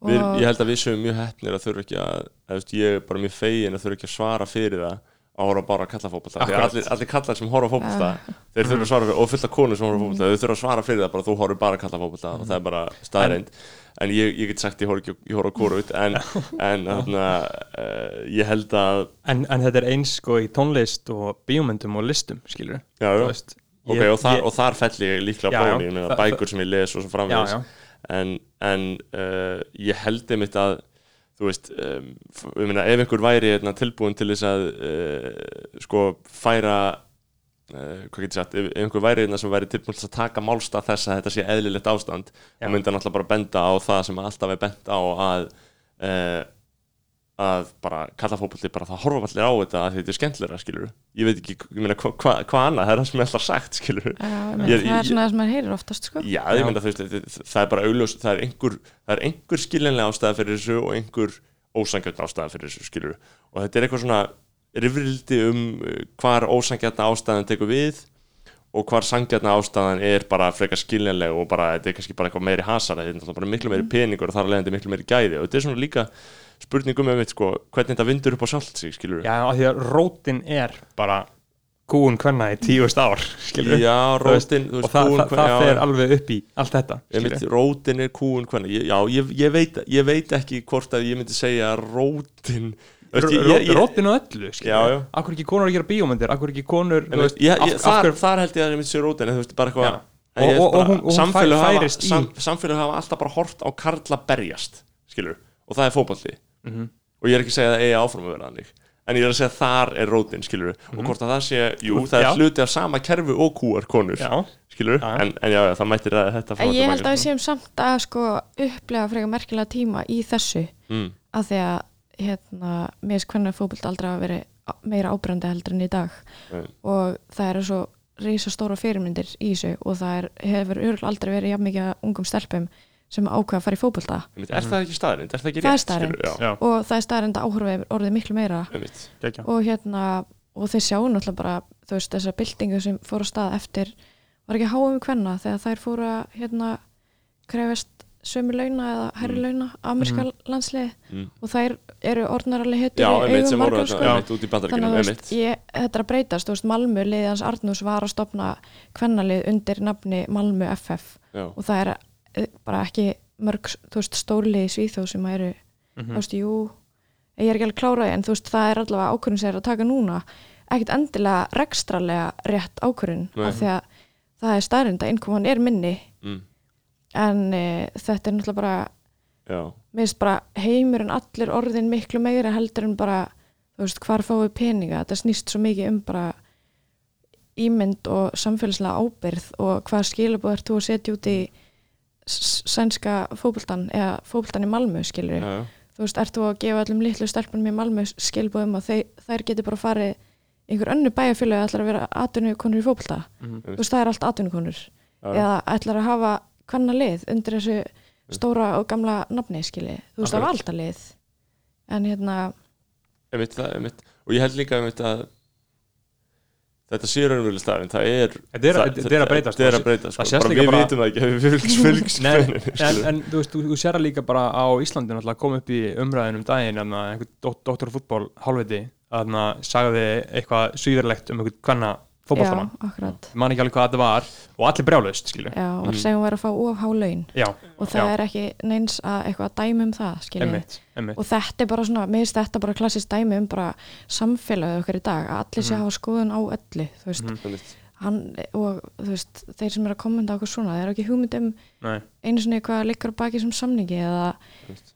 Eða bara hvort að félagi geti staðið undir sig eða hvað sko ég held líka, ég held líka að þetta var atna, var þetta ekki, var þetta ekki Kristján? Neða Mækarinn, eða ég veit ekki hvor, hvor það var sem sagði þetta. Já. eh, en ég held líka að þarna sé viðkomandi bara, þú veist hann hugsa, ég, verð, ég vil segja eitthvað. Mhm. Þú veist, hann vildi bara fá nákvæmlega þessi viðbræði þú myndir ekki segja að einhver væri með of há laun nema þú vildi bara fucking gera alltaf brjála skilur Já, en er þetta ekki bara svona klassíst bara að kommenta á eitthvað án þess að það sé einhver dýpri pæling á baku það og þú veist, Jú, pottet þetta finnst mér vera bara úst, maður tekur náttúrulega eftir á Íslandi ég veit ekki hvernig þetta er í útlöndum en þú veist, jú, örgli í Svíþjóð, þú veist, Mm. sænska pressan er svakaleg og reynir alltaf að veið upp eitthvað Mm. kjafta eða búa til eitthvað mál skilji, og Mm. þú veist, þetta er svona til dæs bara ástæðan fyrir hætt á Twitter er Já. bara eitthvað svona kjafta bara einhver að tjá sig um eitthvað sem hann hefur ekki hugmynd um og allir eitthvað að taka undra og læka og, Og skoðanir, skoðanir, skoðanir, já, skoðanir. Og like er pólitísk afstæð Já. heldur betur þú veist, ég vil staði sjálf með að læka eitthvað og svo er bara eitthvað, þetta er ekki eitthvað sem ég vil að fólk sjá að ég Já. var að læka skilji, Og ég meina það er líka bara afstæð bara á Instagram Bara viðniðin posta mynd. Já. Þú lækar hann ekki Og það er pólitísk afstæð já, Að guð. læka ekki mynd af einhverju vinni skilur, Þá er ég basically að segja bara "Ha, gaur, Ég, bara, ég fíla þessa mynd ekki að þér. Ég, var, ég var í gær sko að, að okkur kvöld átt að vinna sko frétt upp úr uh, tvítum um eldústagsumræður á alþingi og þetta er eitthvað svona þetta, þessar eldústagsumræður eiga að vera svona skemmtileg endalóg þingsins að fólk gerir svolítið upp en þetta er orðið ógeðslega bara Þetta er leiðilegasta fólk sem Mm. til er á plánundinu Já, jörð sem eru á alþingi in, incompetent og óáhugavert fólk Já, bara gasmenn Mm. sko. uh, og ég var sérst, að sapna saman tvítunum, týstunum til þess að koma ég ætlaði að segja bara að embedda þau inn í fréttina og ég var að skilja halda utan um þau. Þetta var basically svona þín útgáfa af DFF Instagram vikunar Já, ég algjörlega. Eldustar semræður á Twitter. Það er ekki rassamyndir heldur bara einhver, einhver, einhver ömuleg pí- ömuleg píratateik Þunglind fólk er reyna að fyndi Já. og, það, og ég var að halda utan um týstin og þá lækaði ég þau öll til þess að hafa þau bara í likes. Mhm. og ég þarf eiginlega að fara, ég er að hugsa núna ég verð þar eiginlega að fara og unlika þau öll núna af því að annars heldur fólk að ég vera að peppa þetta. Þetta er stórt Einmitt. mál Er Hún er svona aðal, hún heitir Taylor Lawrence sem vinnur New York Times já. svona media TikTok sérhæði, bara skrifa geggjaða greinar bara hún, hún gre- var hjá Atlantic, hún er algjör queen. Já, gre greinir algjörlega svona ástandið TikTok og allt svona, því þú veist, ég er ekki á TikTok en ég les bara um það hjá henni. Mhm. og hérna, byrju ástandi á TikTok? Já, eða þú veist bara svona útskýri hvað er í gangi á TikTok Já, og hvað er í gangi á ungu ok, fólki á internetinu, svona mjög góða fréttamaður. Uh, og hún var gaggrind fyrir að læka svona transphobe tweet, skilur Já, Bara eitthvað-. En þá sagði hún bara, vá, þú veist, það, er- þetta, gerist í hverju viku. Ég læka til þess að vista hjá mér til þess að geta skoða það aftur, skilur og fólk er alltaf að kolla hann út og er hann á cancelni Já. fyrir að læka eitthvað shit, það, eitthvað er samt fyndið að nenn að taka hennar slag í Já. staðan fyrir bara að vera með einhvern annan account sem þú getur læka og við erum allt saman já, einmitt, hún að já, þetta hún, eitthvað. Hún, hún ætti náttúrulega bara að gera það sko. Já, að en, en það, þú veist, það er náttúrulega flóknara því hún eiga sér bara að skoða fítið sitt. Og það er allt í henni að logga sig inn á eitthvað. þetta er bara geðið fljótlega leið og hún á bara að meiga þetta skilur. Já, þetta er bara klassist dæmi um, þú veist Já. hvað fólk er fljótt að. Og þetta bara gerist í hverri viku hjá henni bara eitthvað bitu, bitu, bitu bara eitthvað screenshot bara eitthvað. En ég ætti kannski ekki að hafa þetta, hafa þetta stefnu Ég, læk alltaf að safna. Þú segir bara Þú veist, uh, segja skilur um, Í bíóinu að þegar margir skrifa skilur Retweets er ekki þarna, Endorsements og eitthvað svona Þú byrja bara að retweeta allir líka. Já, þú veist, læki mín og retweeti mín er bara söfnun. Já. Það væri- það væri taka það fram. Það væri góð stefna sko. Um, Nei, ég hætti bara á þessu. Ég var bara komin nóg að vita skoðanir hjá okkur ákveðnum aðalum sem Já. eru mest, sem eru háurastir skilji. Oft fólk segir það ekki einu sinni, ég veit ekki einu sinni eitt um það. Mm, Mhm. vissi bara nákvæmlega hvað þessum fannst um hitt og þetta og einmitt. bara þó ég var ekki að followa það. Það er svo fokkin Það er svo fokkin þetta er svo fyndið Twitter er orðin alltaf þannig að þú í fyrsta lagi, það skiptir ekki máli hvernig þú follow þú færð bara það sem er í gangi.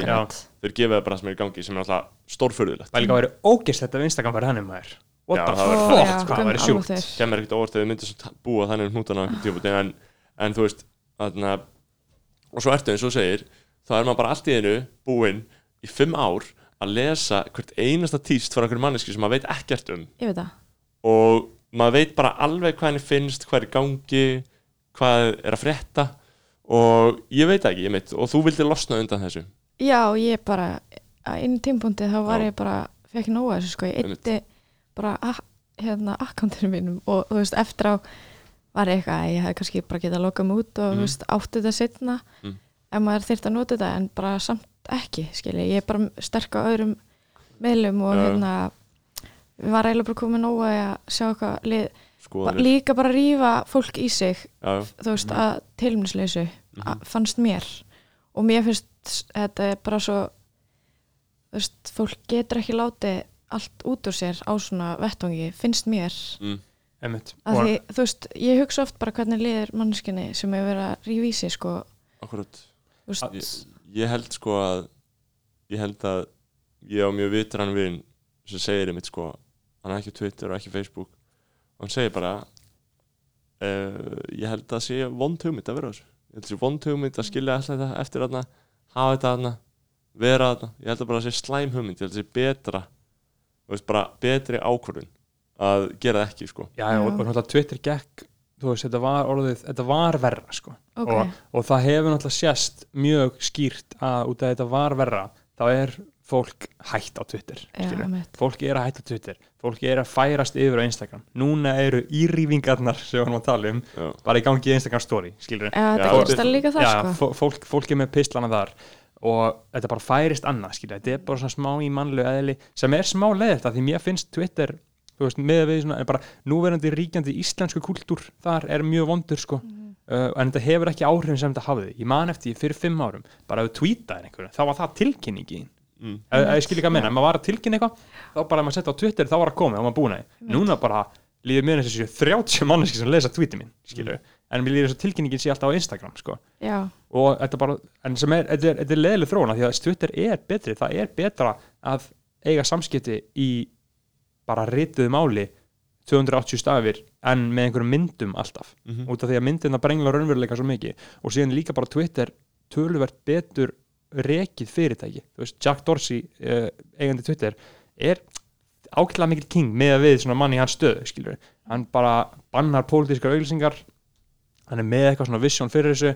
Þú veist, hann, hann eins og hann er að díla við þarna dóði í bandaríkjum núna uh, sambarlegt Mark Zuckerberg Mark Zuckerberg er ekki að gera neitt, hann er bara bókstælega ekki að gera neitt. Nei, nei, hann, hann er ekki að banna auglýsingar, hann er ekki að banna bullshiti og Twitter er bara 100% bara on it, skilur, þau meiri sér bara sensora forseta bandaríkjana, já, valdamesta mann það. í heiminum sem að, jú, það er náttúrulega spurning hvort að það eiga leif samt- það. ég ekki, held skilur að þetta sé allt djöfisins leikrit sko. En, en ég, ég er bara að segja, þú veist, af tvennu illu þá er Twitter tölvöld skára þetta er, er að reykja betra fólki. já, að þá er Twitter snild en mér fannst bara, það var aldrei niðurstaði í neinu sem ég var að lesa. Nei, nei en Það er- svo líka, þú fer líka bara að hugsa betur um tíma en þú veist, þú er komið með bann og bara ætla ég að fara eða þessum litla frítíma sem ég er fyrir sjálf ætla ég að fara að lesa eitthvað eitthvað bullshit skilji. Já.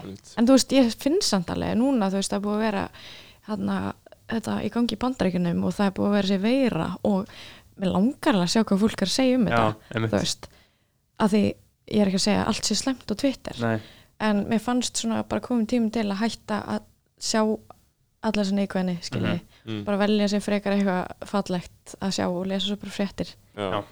og ég, þú veist, ég sé margt sem að veitum við mikla hamingi á Twitter sko. Eða þú veist, svona almennt sko. Eins og bara til mér í dag að lokka í vinn og þú veist, það var komað nýja fréttir þarna um uh, Jerry Seinfeld uh, að hann hafi verið, þú veist, ógislegt, skilur mjög ógislegt það voru að útskýra það veit engi hvort já, ég, ég, er, ég er að fara að útskýra, skilur mjög ógislegt sem hann var að gera.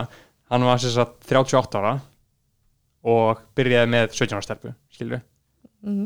90s, þegar maður bara peak þegar maður bara Seinfeld, ég held að það hafi verið ég held að það hafi verið svona 95, 96 þegar svona sjötta, sjönda seri á Seinfeld var í gangi.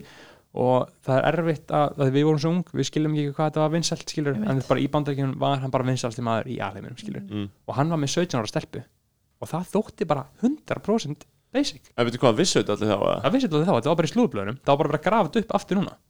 Já, það vissi, það vissi þetta allir sko. En sko, er þetta ekki svona það sama og er að gerast oft í Hollywood í dag, þú veist, er ég Jú, Leo DiCaprio alltaf með einhverjum ungum módelum? Leo, og, Leonardo DiCaprio hefur, ég sá einhver brjála tölfræðum um þetta, hann hefur verið með 40 konum, bara svona gegnum aðeins verið að deyta þær, verið svona smá official.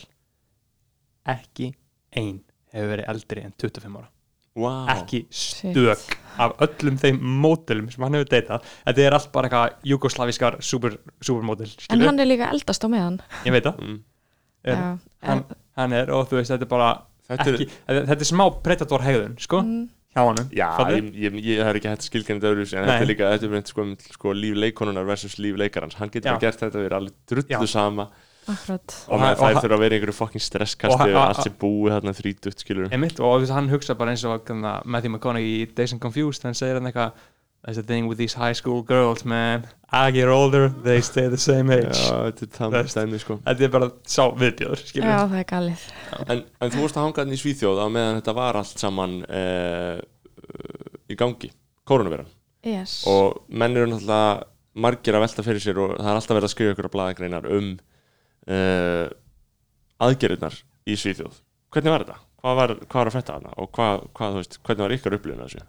þetta var uh, alveg frekar skrítið sko af því að þú veist maður fór eitthvað út og það var bara svona eins og fólki vissi alveg ekki að það væri einhver heimsfaldur í gangi sko. Já, það var bara það margir úti. Já, ég mani var eins og lappanir á strönd sem er rétt hjá okkur. Og það var bara fárlega mikið fólki og bara í allir mars, apríl, eitthvað hannig já, bara þegar þetta var bara píka hérna og Mm. þú veist um, það voru bara allir eitthvað úti að dunda sér og þú veist, ég var mjög mikið að fylgjast með íslensku fjölmjölum þannig að við svona byrjuðum þetta á því að vera að taka íslensku leiðin og við vorum svona mest heima fórum samt eitthvað svona aðeins út bara að störtum bara eitthvað að viðra okkur og eitthvað og hérna svo bara svona þegar að leiða og þá var ég bara herri, ég er bara í þessu landi, ég ætla bara að fylgja fyrirmælunum hérna því þú veist líka á þessum tíma vissi enginn hversu, veist, hver, hversu alveglegt þetta væri eða hvernig endilega hver leið, hvað leið var best skili Mm. og hérna hann virka alveg frekar flottur sótunarlækni sviðar og eins og hann væri með þetta sko Mm, En hann er svona- Já. hann er núna svona búin að draga sér land og segja þú veist, við hefum átt að gera þetta öðruvísi Mm. og hérna þannig að þú veist, þá fór maður bara að fara á kaffehúsin sín og fylgja Mm. sænsku gætlen sko, bara passa sig og róló og alltaf bara hátíð á róló, þú veist, það var bara enda að af fólki alltaf einmitt. og hérna fólk bara út í kaffi og smá skrítið sko Mhm. en hérna Arnur náttúrulega líka bara mætti á æfingar í sko í fötunum, æfiði kom heim með mat við þóðum fötin, fekk eitthvað hjól heim þeir æfiði ekki einhverja viku þannig að hann var að hjóla heima fara sjálfur út að hlaupa svo æfiði þeir aftur og þú veist, þetta er bara búið að vera skrítið þú veist, það var, það var einhver, voru einhver smitt sko hjá aðstandendum gæjana í leiðinu, Mhm. þeir voru svona bara mæta æfingar Já. og þetta er bara þú getur ekki eins og fengið test í Svíþjóð menn allir hérna bara, "Hey, ég ætla að tjekka á þessu testi, þú Mm. veist, þó maður sé allar með enginni, skilji, Einmitt. þannig að þetta var mjög, mjög skrítin tími, sko, en ég held og ég hef sagt að, þú veist ég held við höfum verið bara á besta stannum til að vera föst við þrjú innan gæsalappa um, að því að lífið breytist ekkit allt og mikið nema bara, þú veist, maður gæti ekki fara til köpen gæti ekki fengið fólki heimsókn og gæti ekki fara sjálfur til Íslands Mm. í eitthvað smá hérna samna orku dæmi sko Mhm. mjög leðilt að þetta hafi feila hjá honum okkar manni já alveg sko Af því að ég, ég, já, ég, ég, ég fokkaði svo mikið með þessu að ég, þetta er bara svona gegn strömmnum svona að gera öðru sem allir aðrir og, og þú veist, ég meina og rökin bara, hei, þú veist, fólki er leift að, jú, tala um þetta sem eitthvað fjöldamorð en er það ekki alveg eins fjöldamorð að það eru selta sígarettur og áfengi í búðum og fólk má keira bíla og Jú. þú veist að Dauðsföllin eru náttúrulega sko en það, eru sko alveg fucking margfalt fleiri í Svíþjóð en í Noregi og Íslandi. Já, samanlagt sko. Já, ég held að það hafi verið yfir fjögust manns eða eitthvað. Já það er leiðilegt. alveg margfalt. Og þetta, þetta rataði inn á þú veist þegar ég var að taka við eitthvað viðtölu ég tók- viðtölu um einhvern lækni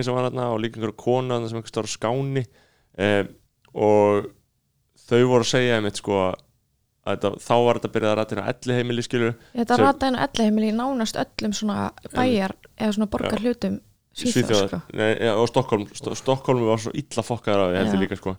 Uh, þannig að ég held að ég veit ekki hvort það var gott eða ekki. Ég meina þau vildu ná bara upp einhverju ónæmi skiluru og ég held að það sé bara þú veist ég veit ekki, menn eins og hér þá verðist það bara að vera búið og ég veit ekki hvernig hvað er rétt og rangt í þessu sko. Nei, maður veit líka sjálfur en þú veist, ég ég held að veit það bara enginn sko en ég hef líka oft hugsað skilur um bara, þú veist, eins og Danir gerði, þú veist, það var bara öllu lokað nefn einhverju, þú veist búðum og hérna þú veist, þú gast ekki fara á veitingastæði og Mm. náður í takeaway eins og hérna skilji Mhm.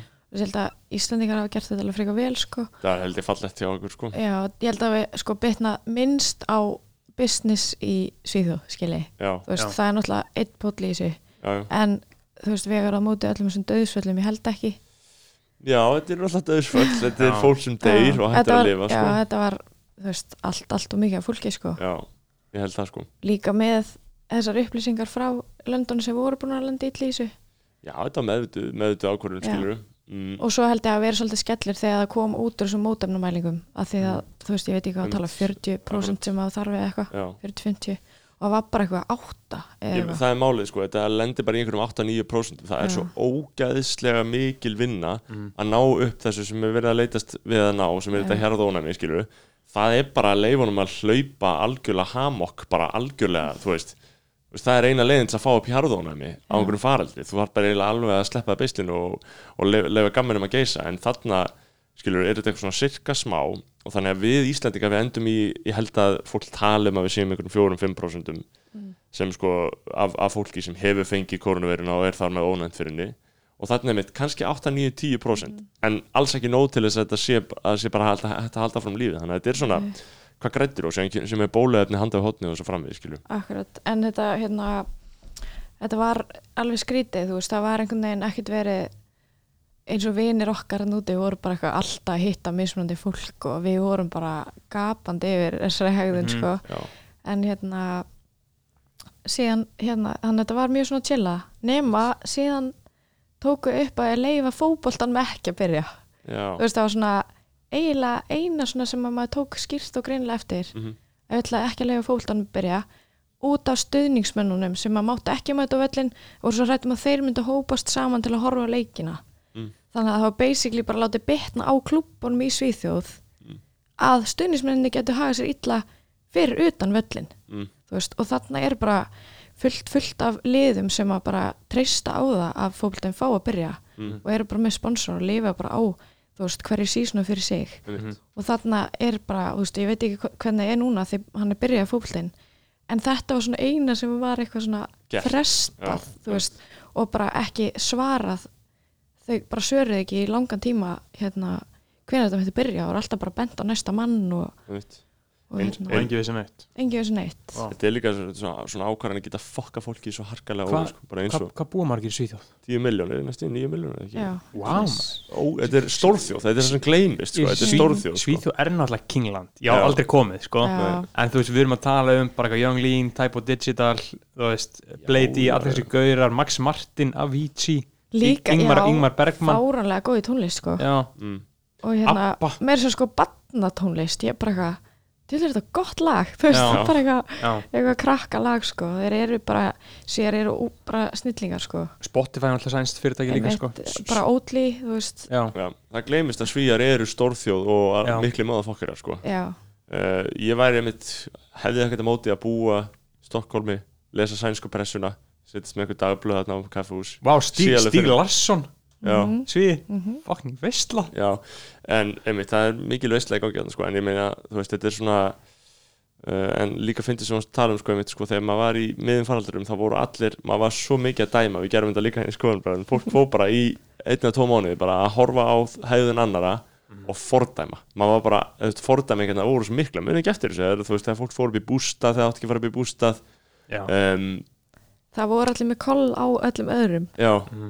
þú veist, af því að ef þú hagaði þig rétt með því að vera bara heima þá varstu algjörlega í stöðu til þess að bara að, skilur Yep. uh, Ég- Mér finnst þetta ótrúlega Ég man því að það var bara tvær, þrjár vikur sem ég var bókstaflega bara heima já, veist, einmitt. Mjög- skrítið að Að upplifa þetta. að- að Já, að spá þessu tilbaka sko. sko. Þú þetta var, þetta er, þú veist, skrítin tími sko Já. ég meina og núna erum við ennþá hérna eins og ég hef oft bent á uh, með einstum með þess að íþróttafélags dæmi, skilur, það eru teknar einhverjar ákvarðanir og það koma svo hræðilega illa við ákvarðan hópa það er svo Akkurat. magnað að horfa á það bara það er tekin einhver ákvarðan og bara Þórólfur Mhm. ákveður að skemmtistæður séu ekki opnir og það bara er svo hræðilegt fyrir ákvarðan hópa skilur, og, skil, þarna mér bara Reykjavíkur, ég hef bara áhyggjur af þannig að það er bara, þú veist, þetta bara koma mjög illa við rekstrar aðalega Já, í miðbænum sko fullkomlega ömurlegt sko. mm. Eh, þannig að uh, það er lífið sko. ég held að Mér- það sé bara lífið. mér finnst sko eh, eins og þess að skemmtist það mér finnst þetta bara freka bara eri, þetta er bara loka til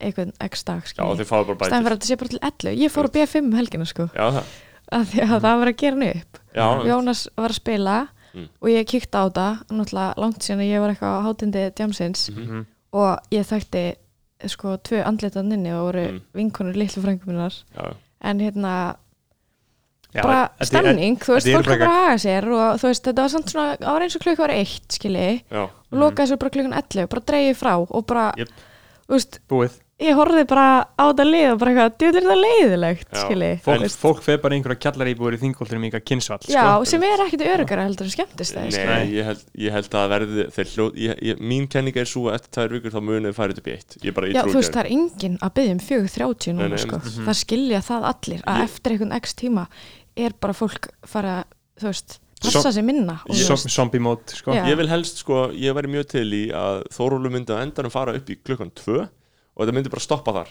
að eilífu ég, að eilífi ég er sammála, sko mér veist bara tvö væri mjög síðað og civiliserað Já, síðan með finnst- eftirpartíðin byrja skilur djammið til hálf fimm, það er bara eitthvað bull, sko, sko. en hvernig var nýja B5?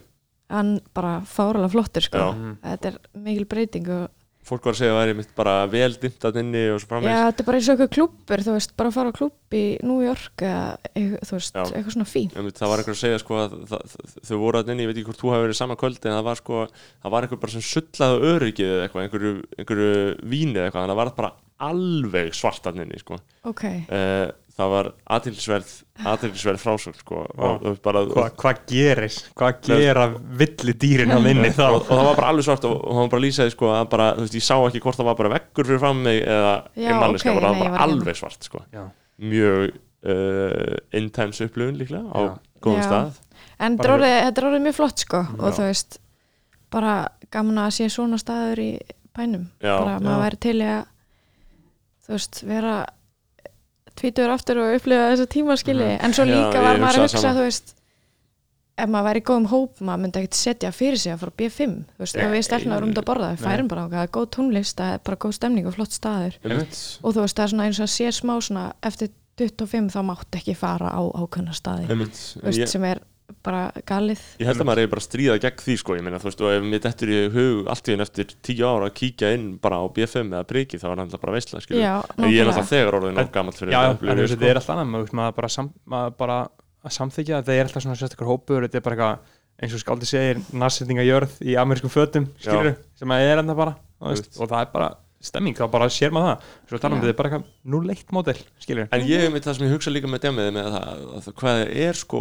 gríðarlega sko þessi bannaði hópur sem má ekki vera skemmtistöðum formulega, þú veist, bara á- 17, 18, 19 ára uh, 16 ára, jafnvel, ég meina ég var á, ég var á prikinu örgulega 16 ára uh, ekki, byrju, Nei, jú, ekki, ekki, 2000 maður er ekki alveg 2013 það ungur sko. 2013 ég fór úr prikja á demi, ég fór inn, skilur, ég var ekkert ég var ekkert þarna, skilur uh, það var svona meira svona 18-19 ára sem ég bara var þarna hverja einustu helgi Mm. í, þú veist, þrjá mánuði og uh, ég er að hugsa sko fyrir þessa skemmtstæði þó að þetta sé bannað og þetta er bannað hópurinn, hann má ekki vera inni þá er hann mikilvægst í hópurinn, skilur að þetta heldur stöðunum ferskum og skemmtilegum en ekki rekstrarlega séð sko. þetta, Jú, þessi að- bitchaðis úlingar er ekki pening þeir sko. eiga reyndar ekki sitt sko. Nei. en það er svo mikilvægt að hafa fest fólk sem vill fara á staðin já, að þú veist, ég, ég, var ég var að vinna á prikinu 2013, mm. þá var ég 18 ára. Já, sem ég gett skrítið að veist, þá var bara basic að ég var að vinna þar. Já, En bara basic aldur sko, já, en, en, en, en ég mátti ekki vera þar en, það, það var svo smúð það var svo margir sem gerði þetta að þá komist það alltaf inn skilur já, og vinnir, já, ég átti vingunum sem vann að maður var alltaf eitthvað. Bara það episkasta sem ég gætt gert júli 2013 var að fara í porti og hleypa þú veist. það var bara af því power að- sem ég hefði komast í einhvern tíman að það er líka þú veist mómentið þegar þú ert 18 ára eða 19 ára og ert bara þú veist búin að skilja sína skilur ekki farin inn og þú ert bara komin inn og maður er bara oh my god ég er inni skilur ég er bara ég er inni og það er enginn að fara fucking snerta Já. mig í þrjá var, klukkutíma ég skilur var að rifja upp með stelpunum, þú veist, ég kann ennþá kennitölun á feik skilríkinu mínu, bara eins, þú veist, ég vel með einn sko. stjörnumerki Jú, jú. allt þetta sitt sko. Og núna er uh, öldin önnur og dýrðin horfin. Já, þetta voru góð tímar já, algjörlega sko. En þannig að hvað segið, er, er eitthvað sem við erum ekki við búin að ræða? við erum bara að gasa heldur vel. Já, voru góð Hver, Hver, hvernig er podcast upplifun Andrea?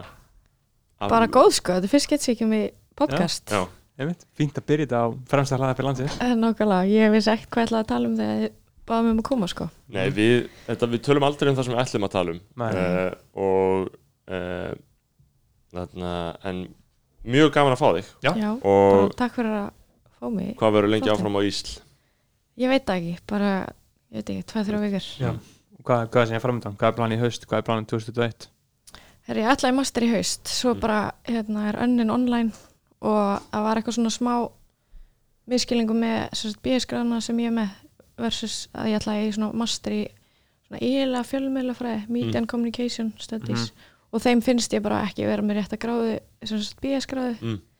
Háskóla þannig að þó að þú veist ritgerð mín, BS-ritgerð mín var, um, var basically um sko uh, media og Mhm.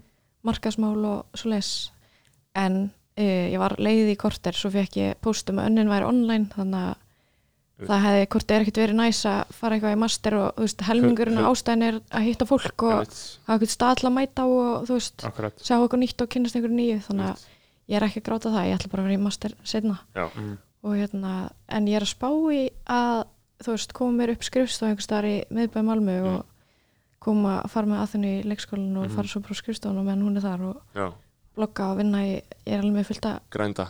fullt að góðum hugmyndum í hausnum sko, Já, það bara að hafa tíma til þess að melta þér. Játni í eldunum, uh, boltar á lofti Allir gerast, yes, geggja Ég er samanlega, það þarf að, það þarf að hrindi sér framkvæmt. Ég er uh, sammála. Takk hérlega fyrir að koma Andrea. Já, takk fyrir að fá mig og takk hérlega fyrir að hlusta þið öll hinn Guðblessi Bless.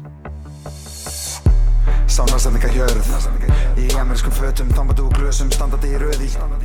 Bankastræti Týragasbögg klátt í Adidas Með Jónu sem að líta út og svo fahitas Þetta er í life, ég er fókt Verða banki í strætið.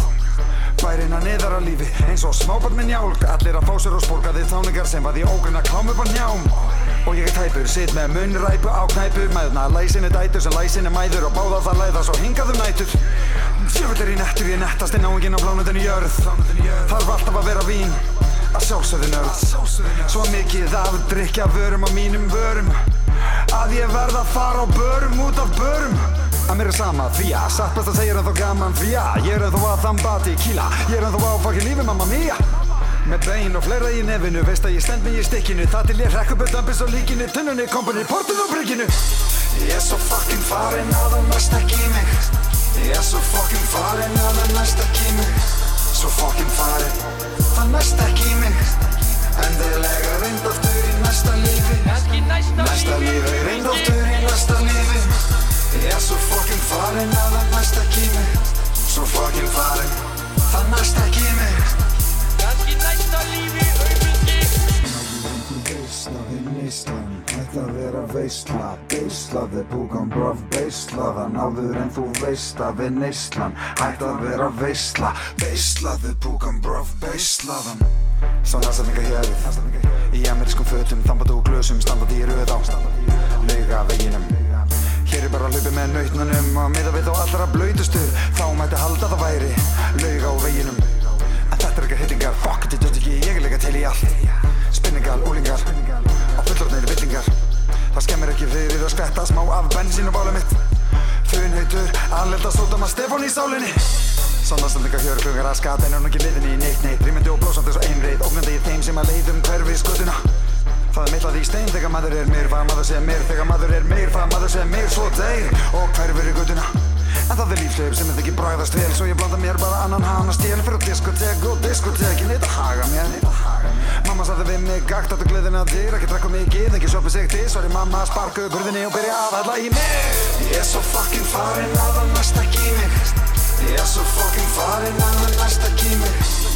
Svo fucking farin Það næst ekki í mig Endilega reynd aftur í næsta lífi. Næsta lífi, reynd aftur í næsta lífi Ég er svo fokkin farinn að það næst ekki í mig.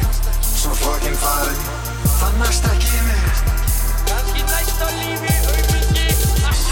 Ég er svo fokkin farinn að það næst ekki í mig. Ég er svo fokkin farinn að það næst ekki í mig. Svo fokkin farinn, það næst ekki í mig. Endilega reyndaftur í næsta lífi. Næsta lífi, reyndaftur í næsta lífi. Ég er svo fokkin farinn að það næst ekki í mig svo flókin fari Það næst ekki við. Kanski næsta lífi.